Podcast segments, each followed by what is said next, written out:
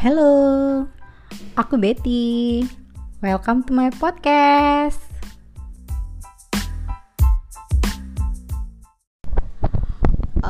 Hari ini aku sudah bareng dengan Miss Ruri. Hai. Uh, dia merupakan peraih beasiswa Fulbright tahun 2000 berapa Miss? 18 ke Oh ya, 2019. 2018 2019. Jadi uh, alumni Universitas Bengkulu ya, Fakultas Bahasa Inggris ya Miss ya? Ya, dari Fakultas FKIP jurusan Pendidikan Bahasa Inggris. Oke. Uh, jadi dia bakal sharing uh, bagaimana sih tips supaya bisa dapat Fulbright. Hmm. Karena tidak sedikit orang yang berjuang untuk bisa mendapatkan Fulbright tersebut.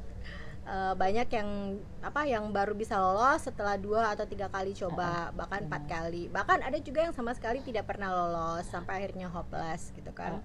Nah, berapa bulan dapat beasiswanya, terus tahapannya seperti apa sampai ke motivation letternya, itu mungkin bisa Miss ceritain dong Miss. Oke.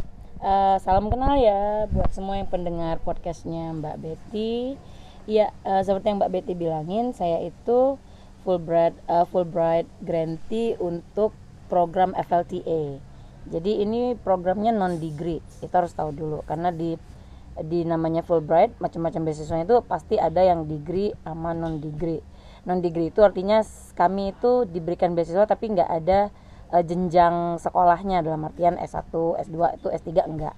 Jadi saya itu di sana sebagai teaching assistant untuk eh, language eh, apa sih kayak language bukan major ya istilahnya, language program yang ada di Universitas Amerika. Jadi pertama-tama dikasih tahu dulu foreign language teaching assistant ini memberikan kesempatan buat peraih beasiswanya itu untuk bisa jadi asisten dosen di kelas bahasa bahasa Indonesia kalau kami karena kita dari Indonesia selama dua semester. Nah selama dua semester itu kita jadi teaching assistant dan kita juga dapat kesempatan untuk per semesternya itu untuk ambil kuliah gratis selama enam eh bukan selama sebanyak 6 kredit. Jadi terserah. Jadi misalnya kita mau ambil bahasa lain boleh atau kita mau ngambil misalnya kayak teaching methodology nih boleh juga. Nah, nanti itu kita dapat kayak LHS-nya kalau kita mau. Nah, itu diberikan jikalau nanti misalnya kita mau lanjut S2 beneran di luar negeri ataupun di Amerika atau di negara lain, kita bisa transfer. Mata kuliah yang udah kita ambil sebelumnya selama kita FLTA itu bisa kita transfer. Artinya kita nggak perlu ngambil lagi mata kuliah itu. Karena kalau di luar negeri itu kan biaya kuliah itu tergantung dengan jumlah kredit yang kita ambil. Jadi kita dapat namanya uh, credit waiver. Nah itu betul-betul bagus banget. Jadi kita ke luar negeri itu both sebagai teacher juga sebagai student at the same time. Jadi pengalamannya itu plus kalau menurut saya kalau tahapan awalnya sama sih sebenarnya beasiswa yang lain-lain juga. Nah, saya itu sebenarnya waktu mengajukan beasiswa ini sebenarnya udah agak hopeless. Jadi waktu 2000 atau kedua? ini yang saya tuh sebenarnya selalu pertama, cuman di program ini juga yang pertama. Tapi untuk Fulbright sendiri ini yang kedua kali saya nyoba. Di 2014 saya pernah nyoba untuk yang S2. Jadi waktu itu saya tamat S1 2012 kan ya di UNIP. Terus 2 tahun kerja biasa kan. Bosen lah ya, maksudnya apalagi sih achievementnya nih udah 2 tahun. Kok gini-gini aja. Cobalah ngajuin beasiswa S2 rencananya. Sampai sih ke tahap eh, wawancara dipanggil ke Jakarta. Kalau Fulbright kan baik ya diongkosin bolak-balik gitu kan.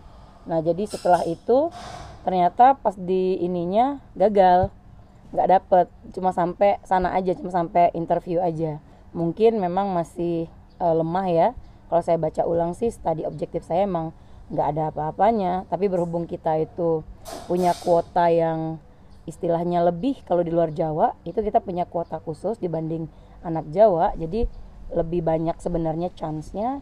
Akhirnya saya nggak dapet intinya di situ. Jadi saya pikir ah ya udahlah S2 di sini aja.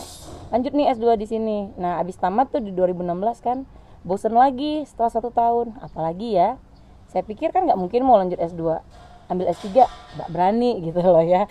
Agak agak gimana ya pressure-nya lebih tinggi. Kalau kita S1 nya Indonesia S2 nya Indonesia tiba-tiba S3 nya luar negeri itu takutnya waduh nggak akan bisa nih.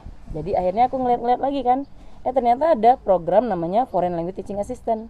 Jadi pengajar asisten pengajar untuk bahasa asing. Nah Indonesia itu termasuk yang cukup banyak kuotanya.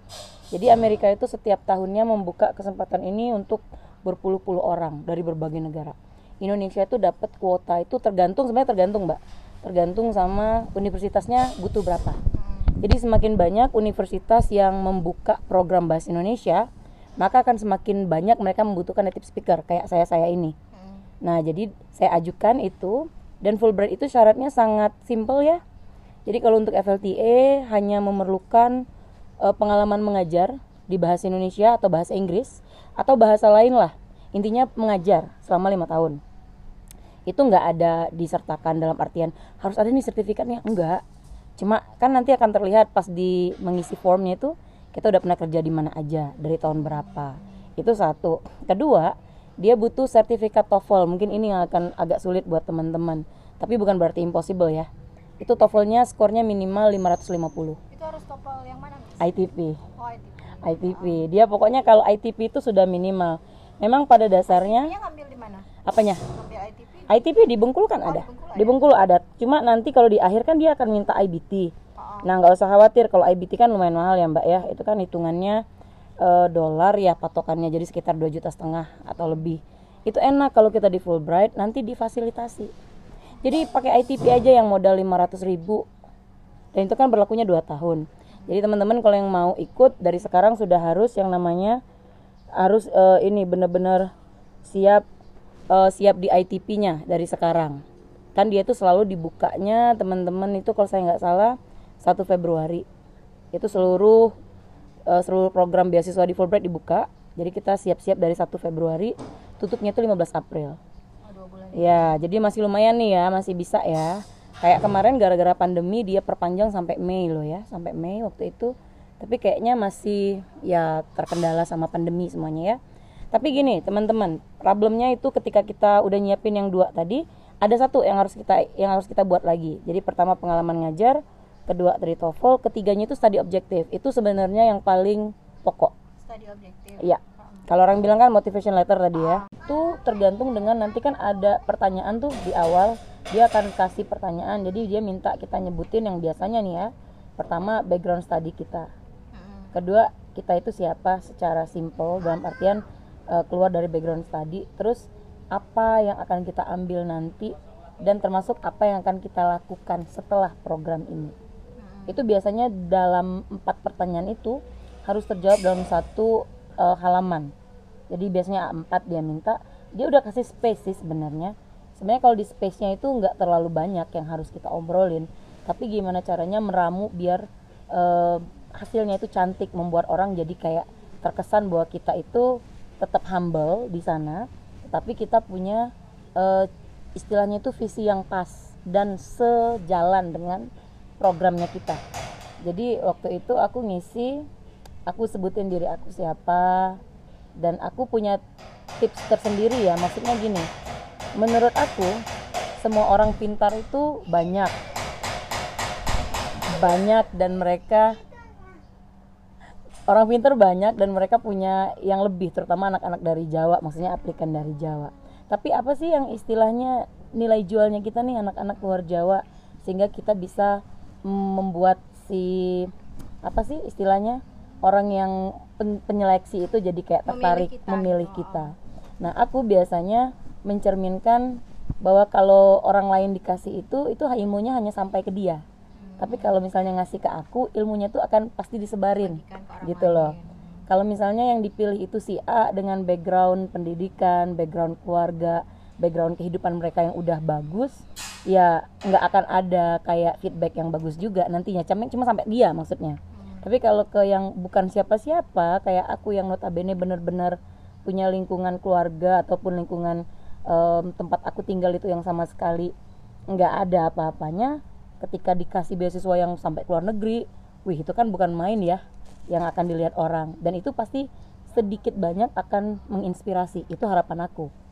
Jadi waktu itu aku jujur banget bilang bahwa saya tinggalnya di tengah padang. Tengah padang itu cuma 500 meter dari bibir pantai berarti kebayang dong kebanyakan orang di sana itu tinggal eh, deket pantai pasti mata pencahariannya juga banyak ke arah pantai juga nah di tempat kami itu dominasinya kalau nggak construction workers pasti dia PNS atau orang-orang yang kerja serabutan termasuk ke dalamnya nelayan. Nah, yang concern aku terbesar ketika di sana itu memang itu kenyataan dan di tempat aku dikarenakan cari duit sekitar 20 30 ribu itu gampang. Jadi kebanyakan anak-anak itu terbuai dengan dapat uang, mereka nggak butuh kerja, eh sorry, nggak butuh belajar lagi, nggak butuh sekolah lagi. Karena kan apa ya, kayak mindsetnya orang kami, kami itu kan penduduk asli ya, penduduk asli orang-orang Senge. Mindset kami itu ketika dapat uang, bisa beli beras ada nasi ada gulai udah selesai udah hidup gitu loh nggak ada betul itu tadi pepatah itu dan itu memang ada dan memang banyak jadi anak-anak itu paling sampai mereka membaca menulis berhitung bisa selesai orang tua udah ngerasa bahwa that's enough gitu loh udah nih kita udah bekalin kamu itu udah cukup buat hidup nggak pernah ada yang namanya kepengen lanjut sampai SMA sampai kuliah wah jauh banget Nah itu yang aku highlight sebenarnya. Tapi aku highlightnya cuma sedikit. Jadi nggak juga berarti aku harus merendah-rendahkan komunitas aku. Aku cuma mau bilang kalau dikasih ke aku, bagaimana itu membuat orang jadi shock dan surprise banget kan. Di tempat aku itu yang namanya anak sekolah itu bisa yang sampai kuliah bisa dihitung dengan jari. Artinya yang orang asli. Kalau orang pendatang kan mama bapaknya dari uh, kota lain, mereka sudah menempuh pendidikan di kota lain, dapat culture dari uh, kota lain jelas mereka punya pandangan yang berbeda kalau kami yang orang-orang asli ya nggak usah jauh-jauh lah dari sepupu-sepupu kami aja yang nyampe kuliah berapa sih nah kok saya bisa sampai Amerika? Itu kan luar biasa. Nah itu ya saya bilang itu pertama. Yang kedua saya juga sebutin uh, passion saya dalam hal uh, mengajar dan juga bergaul dengan orang. Jadi saya memang ada organisasi kayak BKM Badan Kesaudara Masyarakat itu kan dari PNPM Mandiri. Itu kan selalu kalau berhubungan itu eratnya ke BKM tadi.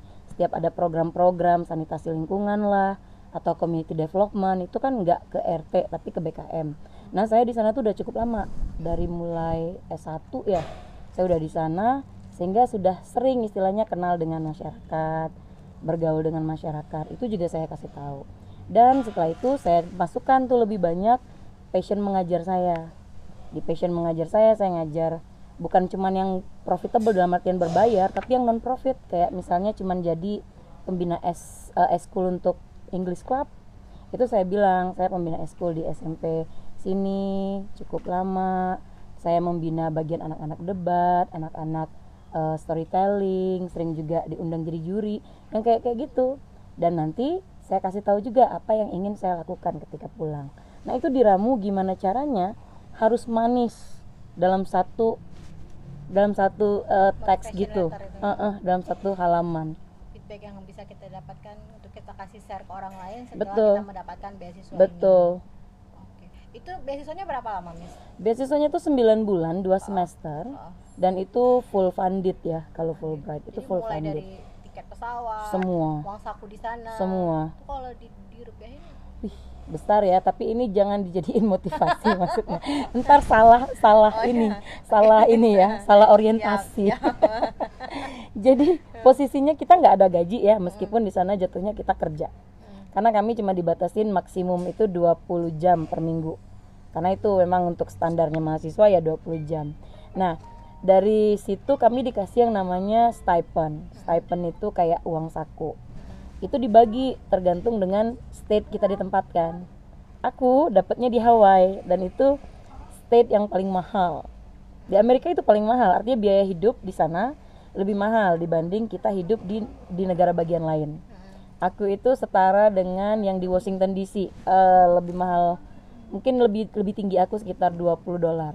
Di 2018 2019 stipendnya itu 2095 dolar kalau dirupiahin mungkin sekitar 28 juta lah waktu itu per bulan. Tapi udah di situ semua mbak. Jadi uh, kita harus bayar apa sih housing? Housing juga mahal di Hawaii. Bulanan housing itu udah 10 juta. Itu udah yang paling sederhana. Kayak tempat yang aku tinggalin itu flat ya bukan flat sih uh, asrama. Jadi kita punya kayak sharing area seperti bathroom kita sharing sama cewek di satu lantai yang sama terus juga kitchen area itu juga bareng-bareng kayak gitu. Cuma kamar kita sendiri-sendiri. Itu lumayan lumayan sekitar 10 juta per bulannya. Nah itu. Di situ semuanya em, banyak sih menurut aku itu besar besar. Jadi kalau misalnya Fulbright itu memberikan beasiswa itu nggak nanggung dalam artian kayak dari wawancara deh. Dari wawancara aja kita udah dikasih tiket PP kalau beasiswa lain kayaknya enggak kayaknya enggak jadi kalau Fulbright enggak dia udah kasih tiket PP udah kasih uang transport selama di Jakarta Hmm. Terus Miss, ini yang paling yang termasuk penting lah ya. ya Kan Miss sudah berkeluarga nih, hmm. udah punya suami. Hmm. Ketika bakal apply beasiswa ini, supporting dari suami tuh kayak mana? Kayak mana Miss memahamkan ke suami aku pengen ikut ini dong. Hmm, gitu. hmm, hmm, hmm. Aku tuh bersyukur luar biasa ya Mbak Betty ya Suami aku itu kayak sebelah sayapnya aku Ini nggak lebay, bener-bener nggak lebay Maksudnya posisi aku tuh sebagai anak pertama cewek Aku anak, anak kedua, tapi yang cewek aku yang pertama Jadi buat aku itu apa ya eh, Aku dianugerahi Alhamdulillah kelebihan misalnya di otak Cuma kadang-kadang untuk berharap lebih itu nggak mungkin gitu loh karena ngerasa ngelihat kayak aduh banyak nih orang-orang yang jauh lebih eh, pinter dari aku jauh lebih suportif keluarganya. Keluarga aku suportif tapi mungkin untuk hal-hal yang secara finansial itu agak terbatas kita ya. Jadi aku tuh ngerasa kayak kalau mau menghayal tuh nggak pernah tinggi-tinggi. Sumpah demi Allah aku nggak pernah ada ter terlintas akan pergi ke Amerika nggak pernah sama sekali. Kalau ditanya pengen keluar negeri pengen ke mana ke Jepang. Itu nggak pernah ada terlintas bakal jauh sampai ke Amerika. Nah suami aku sejak awal nikah itu aku baru tamat S1 ya nikah sama dia. Dia itu dari awal udah ngomong bahwa dia mau sama aku. Dan waktu itu aku sempat bilang tapi aku masih pengen sekolah lagi ya. Aku pernah bilang gitu. Dan dia bilang oh iya silakan. Tapi aku masih mau berkawan ya. Aku bilang dalam artian aku masih ingin melebarkan sayap aku ke sana kemari. Oh ya silakan. Kakak pasti dukung. Itu dia bilang.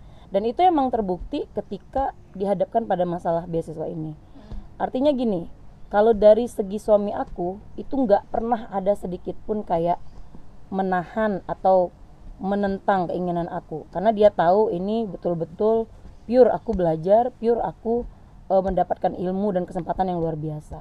Itu dari suami aku. Tapi tetap stigma di masyarakat kan nggak segampang itu ya. Apalagi berkeluarga. Kalau kita masih anak gadis orang pasti bilang Allah nanti pulang bawa suami. Paling itu ya orang nggak terlalu khawatir malah seneng mungkin ya. Tapi kalau bersuami pasti ya ampun ninggalin suami. Ih gitu-gitu banget. Itu nggak tahu apa tanggung jawabnya. Itu bukan orang awam yang ngomong bukan tetangga. Temen yang satu profesi yang dalam artian harusnya punya mindset yang jauh lebih luas. Terbuka. ya lebih open minded gitu. Malah dia yang ngejatuhin luar biasa. Dan waktu itu yang paling berat itu aku inget banget ya aku lagi sekitar seminggu atau dua hari atau tiga hari aku harus ke Jakarta untuk vaksin. Waktu itu itu satu-satunya yang biaya sendiri. Nggak dibiayain sama Fulbright. Dikarenakan juga salahnya kita di Bengkulu kota kecil. Nggak ada eh, apa sih waktu itu? Apa ya namanya? Regennya ya yang nggak ada. Untuk TB skin test yang untuk tes eh, TB kita nggak punya regennya itu loh. Jadi se Indonesia waktu itu nggak ada. Jadi ada alternatif lain itu tes IGRA. Jadi ambil darah saya ambil tes darah ngecek paru-paru ada TB atau nggak di paru-paru aku nah waktu itu kita belum punya tuh yang apa klinik Prodia di sini Hmm. jadi ada di Jakarta. Iya, dibilang endoskopi ya nggak enak juga. Tapi pas balik kemarin ngeliat, eh gila udah ada enak banget. Aku dulu nggak ada. Nah, jadi harus ke sana dan itu kan bisa, maksudnya gini kalau TB itu per 72 jam kita harus balik. Jadi disuntikin di kulit. Sekarang, nah dua hari lagi dicek ada nggak ruam-ruamnya. Kalau enggak, berarti kita udah bersih. Cuma kan aku nggak mungkin stay di Jakarta tiga hari. Jadi aku ambillah yang eh, tes IGRA yang pakai darah dan nggak perlu balik hasilnya tinggal dikirim di scan lew- lewat email dia kasih ke kita jadi menurut aku eh, karena nggak pengen ninggalin suami juga ya udah pergi tiga hari sebelum itu persis banget aku ngobrol kayak gini nih lagi ngobrol sama teman seprofesi pengajar itu omongannya ya Allah aku tuh nahan nangis itu dari Padang Jati sampai ke ke lampu merah simpang 5 itu berderai sudah air mata sampai rumah. Nangis. Dia bilangnya gini eh tahu nggak? katanya. Yang namanya surganya istri itu di kaki suami. Dia bilang gitu. Kan. Aku tuh aku bener ya maksudnya sampai sekarang pun aku masih merasa bersalah. Itu salahnya mungkin karena kita dibesarkan di lingkungan itu ya bahwa memang kita itu harus tunduk pada suami. Kalau mau lebih tuh suami yang lebih. Kita tuh harus selalu kayak setingkat di bawah mereka. iya. Iya nggak mau nggak mau. Dalam hati aku tuh itu itu aku aku percayai mbak. Dalam hati aku percaya karena kita tinggal dengan dengan lingkungan begitu dari kita lahir ibu kita pun gitu. emang kayak gitu. Jadi aku nggak nggak nyalahin. Ketika dia bilang kayak gitu aku jeblok banget kan. Kalau aku dia bilang punya istri katanya mau keluar gitu aku nggak akan suruh katanya ngapain? Terus yang paling nggak enak itu karena kita ber, udah udah suami istri ya jadi posisinya dia ngomongnya kamu tahu kan katanya yang namanya suami itu nggak bisa nahan hasratnya lebih dari tiga bulan dia bilang. Jadi kalau misalnya nanti suami kamu balik selingkuh kamu jangan salahin dia. Kamu yang memilih jalan itu.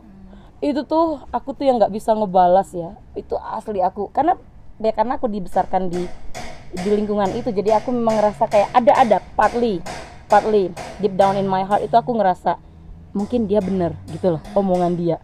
Jadi itu sakitnya tuh luar biasa mbak. Maksudnya aku bilang tadi kan kalau tetangga orang yang nggak deket sama aku orang yang nggak punya open minded ibu-ibu lah misalnya ngomong kayak gitu yang kelang dua tiga rumah dari rumah aku aku biarin aja. Tapi ini orang dengan edukasi yang udah S2 dia yang lebih dewasa dari aku tapi dia melihatnya di posisi cowok. Jadi pulang ke rumah nangis. Terus suami aku bilang kenapa aku bilang kan oh temen aku bilang gini gini gini gini. Suami aku cuma bilang gini bilang sama dia kenapa kamu nggak balas omongan dia? Emang aku harus balas apa? Aku bilang aku nggak tahu balas. Kamu bilang dong sama dia kalau misalnya selingkuh yang kamu takutkan kakak akan selingkuh ketika kamu jauh. Nggak perlu nunggu kamu jauh sekarang pun kakak bisa selingkuh. Iya, benar. dibilangnya kayak gitu aku tuh yang langsung ces gitu loh. Kalau itu katanya yang jadi poinnya selingkuh nggak perlu nunggu kamu jauh. Sekarang pun saya bisa dia bilang gitu aku tuh langsung oh Tuhan gitu loh ya. Makasih, oh makasih banget ya Allah. Itu tuh udah kayak oh oh sedih banget mbak itu. Jadi pas sampai ke bandara pun aku masih kayak ngobrol sama teman eh teman gue dibilang gini gini. Terus teman aku bilang udahlah itu tuh sebenarnya bukan sepenuhnya benar yang dibilangin orang itu. Tapi itu adalah kayak dia iri ke kamu tapi nggak bisa untuk mengatakan itu karena akan menjatuhkan harga dirinya. Jadi dia balik ininya point of view-nya bahwa ini dari sisi suami loh gitu. Padahal tuh enggak. Itu purely jealousy aja gitu kan. Oh gitu ya gue bilang. Oh belajar psikologi ya jadi paham. Iya dia bilang itu hanya purely dia uh, jealous ke kamu yang lebih beruntung dia enggak. Itu cuma itu aja dia bilang. Oh lega. Itu suami aku mbak. Itu suami aku. Dia sama sekali nggak ada yang apa ya e, mungkin karena usia ya faktor usia ya. Dia lebih tua 13 tahun dari aku. Jadi dia merasa kayak udahlah gitu loh. Dia udah mateng gitu loh. Kalau dia udah udah segini aja lah kamu aja yang lanjut gitu. Dia support support banget. Dan memang sabar ya. Aku tuh asli orangnya eh emosian nggak sabaran dan juga cepet banget apa sih temperamental gitu. Untuk hal-hal yang menyangkut pribadi kalau di depan orang sih enggak kalau di depan orang biasanya aku agak sedikit lebih kalem. Tapi kalau di dalam aslinya gitu meledak-ledak. Cuman suami aku enggak dia opposite banget sih. Orangnya suka santuy. Kalau lagi marahan gitu dia marah-marah marah. Aku marah-marah marah-marah. Dia diam aja. Tapi kalau aku udah nggak marah baru gitu sih. Soalnya. jadi itu mbak suami aku. Terakhir nih Hmm. pesan untuk teman-teman Hmm. yang mau hunting beasiswa. Oke, buat teman-teman yang mau hunting beasiswa, eh, aku bukan brand ambassador dari Fulbright, Iya. cuma dikarenakan Berbagi pengalaman lah. dikarenakan memang Fulbrighter. eh, menurut aku dari beasiswa-beasiswa yang lain, yang paling gampang itu Fulbright. Meskipun orang bilang itu paling sulit. Menurut aku kalau dari segi syarat dia paling paling fleksibel. Karena dia cuman di, dibanding yang lain. TOEFL dia masih bisa pakai ITP mbak. Kalau LPDP kalau aku nggak salah nih ya, dia udah mesti punya eh, IBT atau IELTS. IELTS tuh nggak ada versi murahnya, semuanya 2 juta sekian gitu. Nah kalau Fulbright dia masih nerima yang ITP. Chevening kayaknya dia IELTS otomatis karena dia Inggris punya kan. Chevening itu juga pakai IELTS dan agak susah. Dari sana aja aku udah ngerasa kayak aduh udah tertahan nih. Nah makanya enakan Fulbright. Terus Fulbright juga bisa dibilang gini, mereka tuh kayak punya apa ya mbak kuota-kuota khusus. Jadi misalnya nih kalau anak Jawa dapet mah biasa saingannya juga tinggi kan. Kalau anak luar Jawa, apalagi daerah Sumatera, Bengkulu nih, bukan kita mengecilkan eh, kota kita sendiri, bisa dibilang jarang banget penerima beasiswa yang dari Bengkulu. Kalau Fulbright yang aku kenal dosen aku dulu Pak Mulyadi. Terus abis itu em, Kak Kak Kak Budi Waluyo itu Fulbrighter juga untuk S3-nya. Nah, terus aku oh ada Dang satu. Kakak tingkat, kakak tingkat SMA kakak tingkat, di kuliah juga kakak tingkat. Kak Budi, terus ada Dang Arif. Sekarang di Jakarta itu juga Fulbrighter. Terus aku, nah habis aku ini dosen unip tuh yang kemarin baru balik. Mungkin sekitar tiga minggu selesai karantina dia.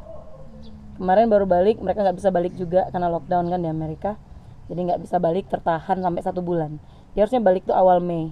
Akhirnya baliknya 1 Juni waktu itu. Jadi sempat tertahan di sana, akhirnya bisa balik. Nah, dia persis yang setelah aku. Aku kan 2018, 2019. Dia yang 2019 ke 2020. Dia didapatnya di Northern Illinois di NYU. Saya di University of Hawaii at Michigan. Oh ya satu lagi, beasiswa itu teman-teman nggak instan, nggak ada yang instan. Meskipun saya beruntung hanya sekali nyoba dan sekali dapat, tapi prosesnya itu sampai saya diberangkatkan itu memakan waktu satu tahun empat bulan. Lama ya. Saya ngajuin itu masukin eh, lamaran itu tanggal 12 April 2017. Saya berangkatnya tanggal 6 Agustus dari sini tanggal 1 dari Bengkulu. Stay di sana tiga hari. Tanggal 4 atau tanggal 5 saya berangkat ke Michigan. Gitu. Jadi memang lama waktunya. Dan nunggunya itu teman-teman harus sabar. Ketika April kita masukin, itu kita baru dengar kabar itu sekitar Agustus Di tahun yang sama ya. di tahun yang sama. Saya ingat banget saya dikasih tahu itu tanggal 9 Agustus email pertama bahwa saya dapat sebagai principal candidate. Dari Agustus itu juga ada jeda sekitar sebulan. Setelah itu ada namanya seleksi ulang. Jadi gini, kalau Fulbright itu dia kan punya komisi di Indonesia namanya Aminef. Kita itu diseleksi dulu di sini, makanya memang kerasanya tuh kayak makan waktu lama. Jadi di sini dulu diseleksi, diwawancara, dites segala macam. Kita dikasih ini nih voucher untuk tes IBT. Itu yang pertama langkah pertama. Setelah kita dikasih email keterima sebagai uh, principal candidate, kita akan dihubungi kemudian dikasih voucher, dikasih tiket lagi, dikasih hotel, dia dikasih penginapan nih. Ini seru banget. Makanya kalau Fulbright itu enak, nggak modal apa pun Full dibiayain. full banget. Pokoknya full full. Dan kamu akan feel bright gitu. Dikasih dikasih tiket PP buat tes TOEFL IBT di Jakarta. Plus nginep semalam ya kalau saya nggak salah. Semalam biasanya. Itu dikasih. Habis itu nunggu lagi lama. Ada namanya online application. Nah di situ kita kayak kayak mulai pendaftaran ulang. Dari awal sampai akhir mbak. Ngisi borang lagi ngisi formulir lagi. Tapi online iya bener-bener kayak diseleksi ulang dari awal. Dan di situ baru nulis essay sampai tiga. Tapi kecil-kecil. Nah nggak usah khawatir. Itu kan memang langsung ke istilahnya itu apa ya? Langsung ke boardnya yang di pusat Amerika. Masuk. Tapi kita dapat akses. Itu bedanya. Kalau di Indonesia itu kan udah lewat saringan nih. Orang berapa nih yang lulus? Baru masuk lagi ke online applicationnya itu mulai dari awal lagi kita buat lagi essay dengan pertanyaan yang mungkin sama mungkin berbeda tapi kita dikasih mentor. Jadi kayak misalnya Miss sudah eh, udah keterima nih Mbak Betty udah keterima. Nah nanti kan disuruh nih silakan ikut online tanggal sekian sampai tanggal sekian silakan dimasukkan lagi. Ini code-nya ini password dan segala macamnya dia kasih. Nah nanti dikasih mentor. Mbak Betty harus membuat dulu draft-draft yang akan ditanyakan tunjukin ke mentornya dikasih waktu satu minggu atau dua minggu dia akan merevisi. Jadi kita di bener-bener dibantu. Mentornya itu pasti senior senior kita. Jadi enak jadi dikasih tahu kalau misalnya ada yang salah kelemahan di situ diperbaiki. Ulang lagi mbak. Dari sana nunggu tuh sekitar Desember kita mulai online application. Seminggu eh, bulan April tahun berikutnya. Baru. Baru dihubungin lagi. Ya Allah. Dan dihubungin lagi itu belum tentu juga mbak. Dihubungin lagi itu nunggu nunggu berapa universitas di Amerika tuh yang butuh. Jadi aku nih nggak tahu yang selet- yang di lettingan aku ya.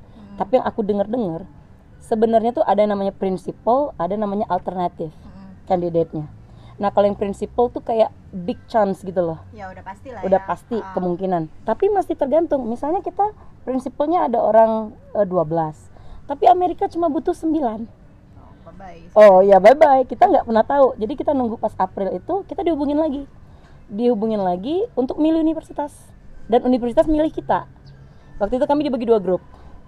Aku grup yang dapat enam tawaran. Mulai dari Harvard Yale Michigan Hawaii Northern Illinois sama satu lagi uh, aku lupa yang satu ini. Wisconsin. Aku dapat enam tawaran. Aku milih yang mana? Aku ranking aku ngambil Yale dong nomor satu. Nomor dua aku ambil uh, Harvard. Yang ketiga Wisconsin aku ambil. Yang keempat Hawaii. Empat. Hawaii itu pilihanku yang keempat. Yang ter hampir terakhir. Iya tapi aku kan nggak tahu profesor di Hawaii milih aku nomor berapa.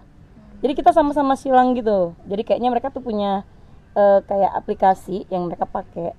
Ketika itu jadi kayak pencocokan gitu loh. Sing aku milih Hawaii nomor 4 nggak tahu orang Hawaii aku milih aku yang keberapa. Atau orang Yale milih aku yang keberapa.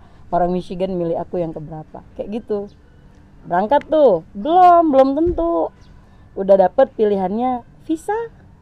Ya ngurusin visa. Terus kita di visa kan belum tentu juga diterima. Hmm. kalau ditolak gimana? Visa juga kami dua gelombang waktu itu. Ada yang hari Senin ada yang hari Selasa wawancaranya.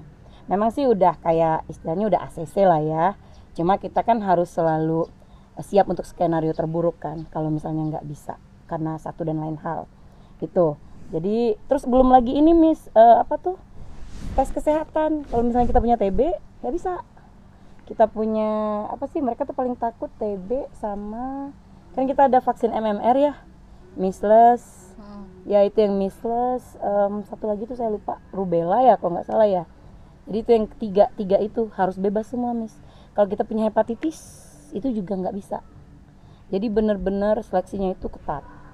Udah itu semua baru berangkat. Bayangkan satu tahun empat bulan. Udah kayak nggak mungkin deh berangkat nih kayaknya. Kalau mikirin lamanya seleksi. Jadi itu teman-teman kalau yang misalnya mau ngambil beasiswa sabar. Banyak belajar. Terus ya rajin-rajin lah ngebuat tadi motivation letter alias tadi objektif. Itu tuh simple tapi itulah itu yang poin penting. poin paling penting. Maksudnya kalau TOEFL-nya kurang sekitar 3-4 poin ya nggak apa-apa. Ya tiga empat poin miss.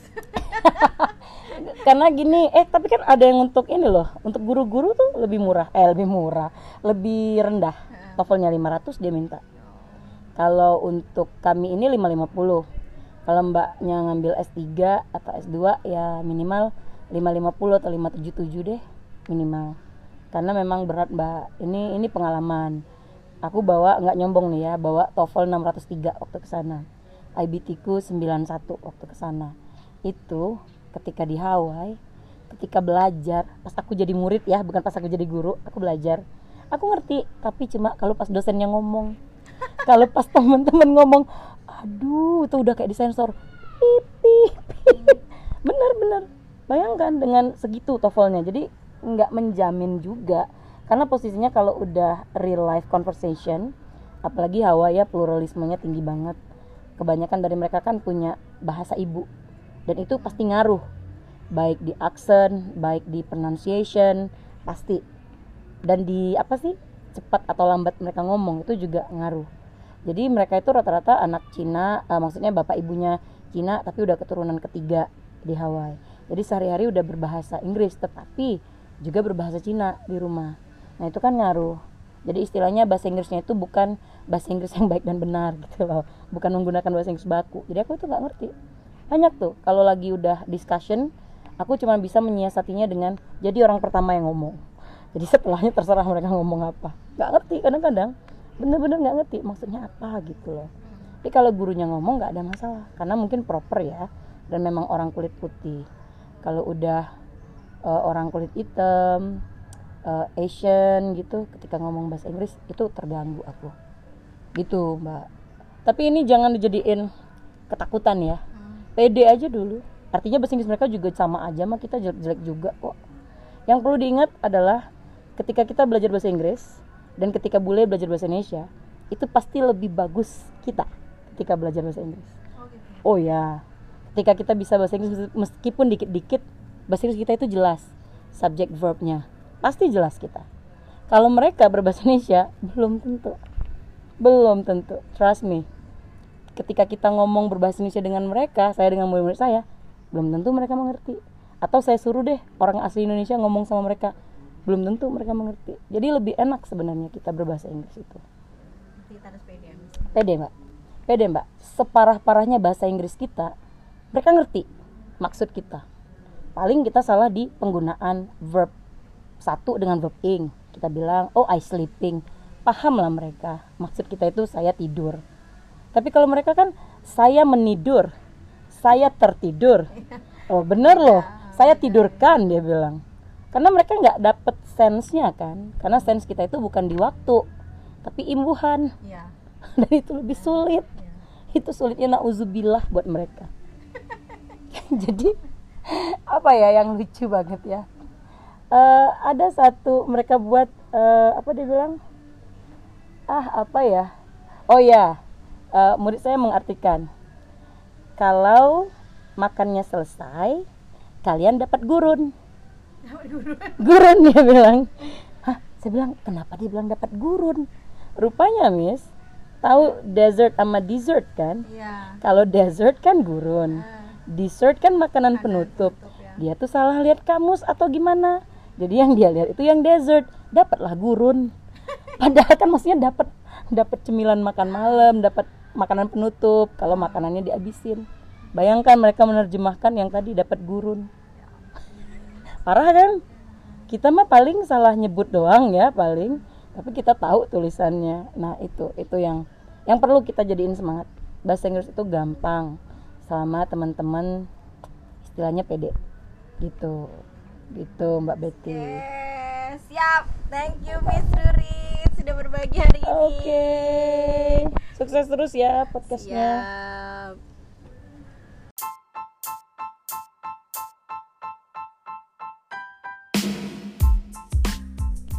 Oke, itu tadi podcast aku. Semoga bermanfaat buat kita semua. Yang mau kasih kritikan, boleh langsung ke sosmed atau ke email aku ya. See you next podcast. Bye bye.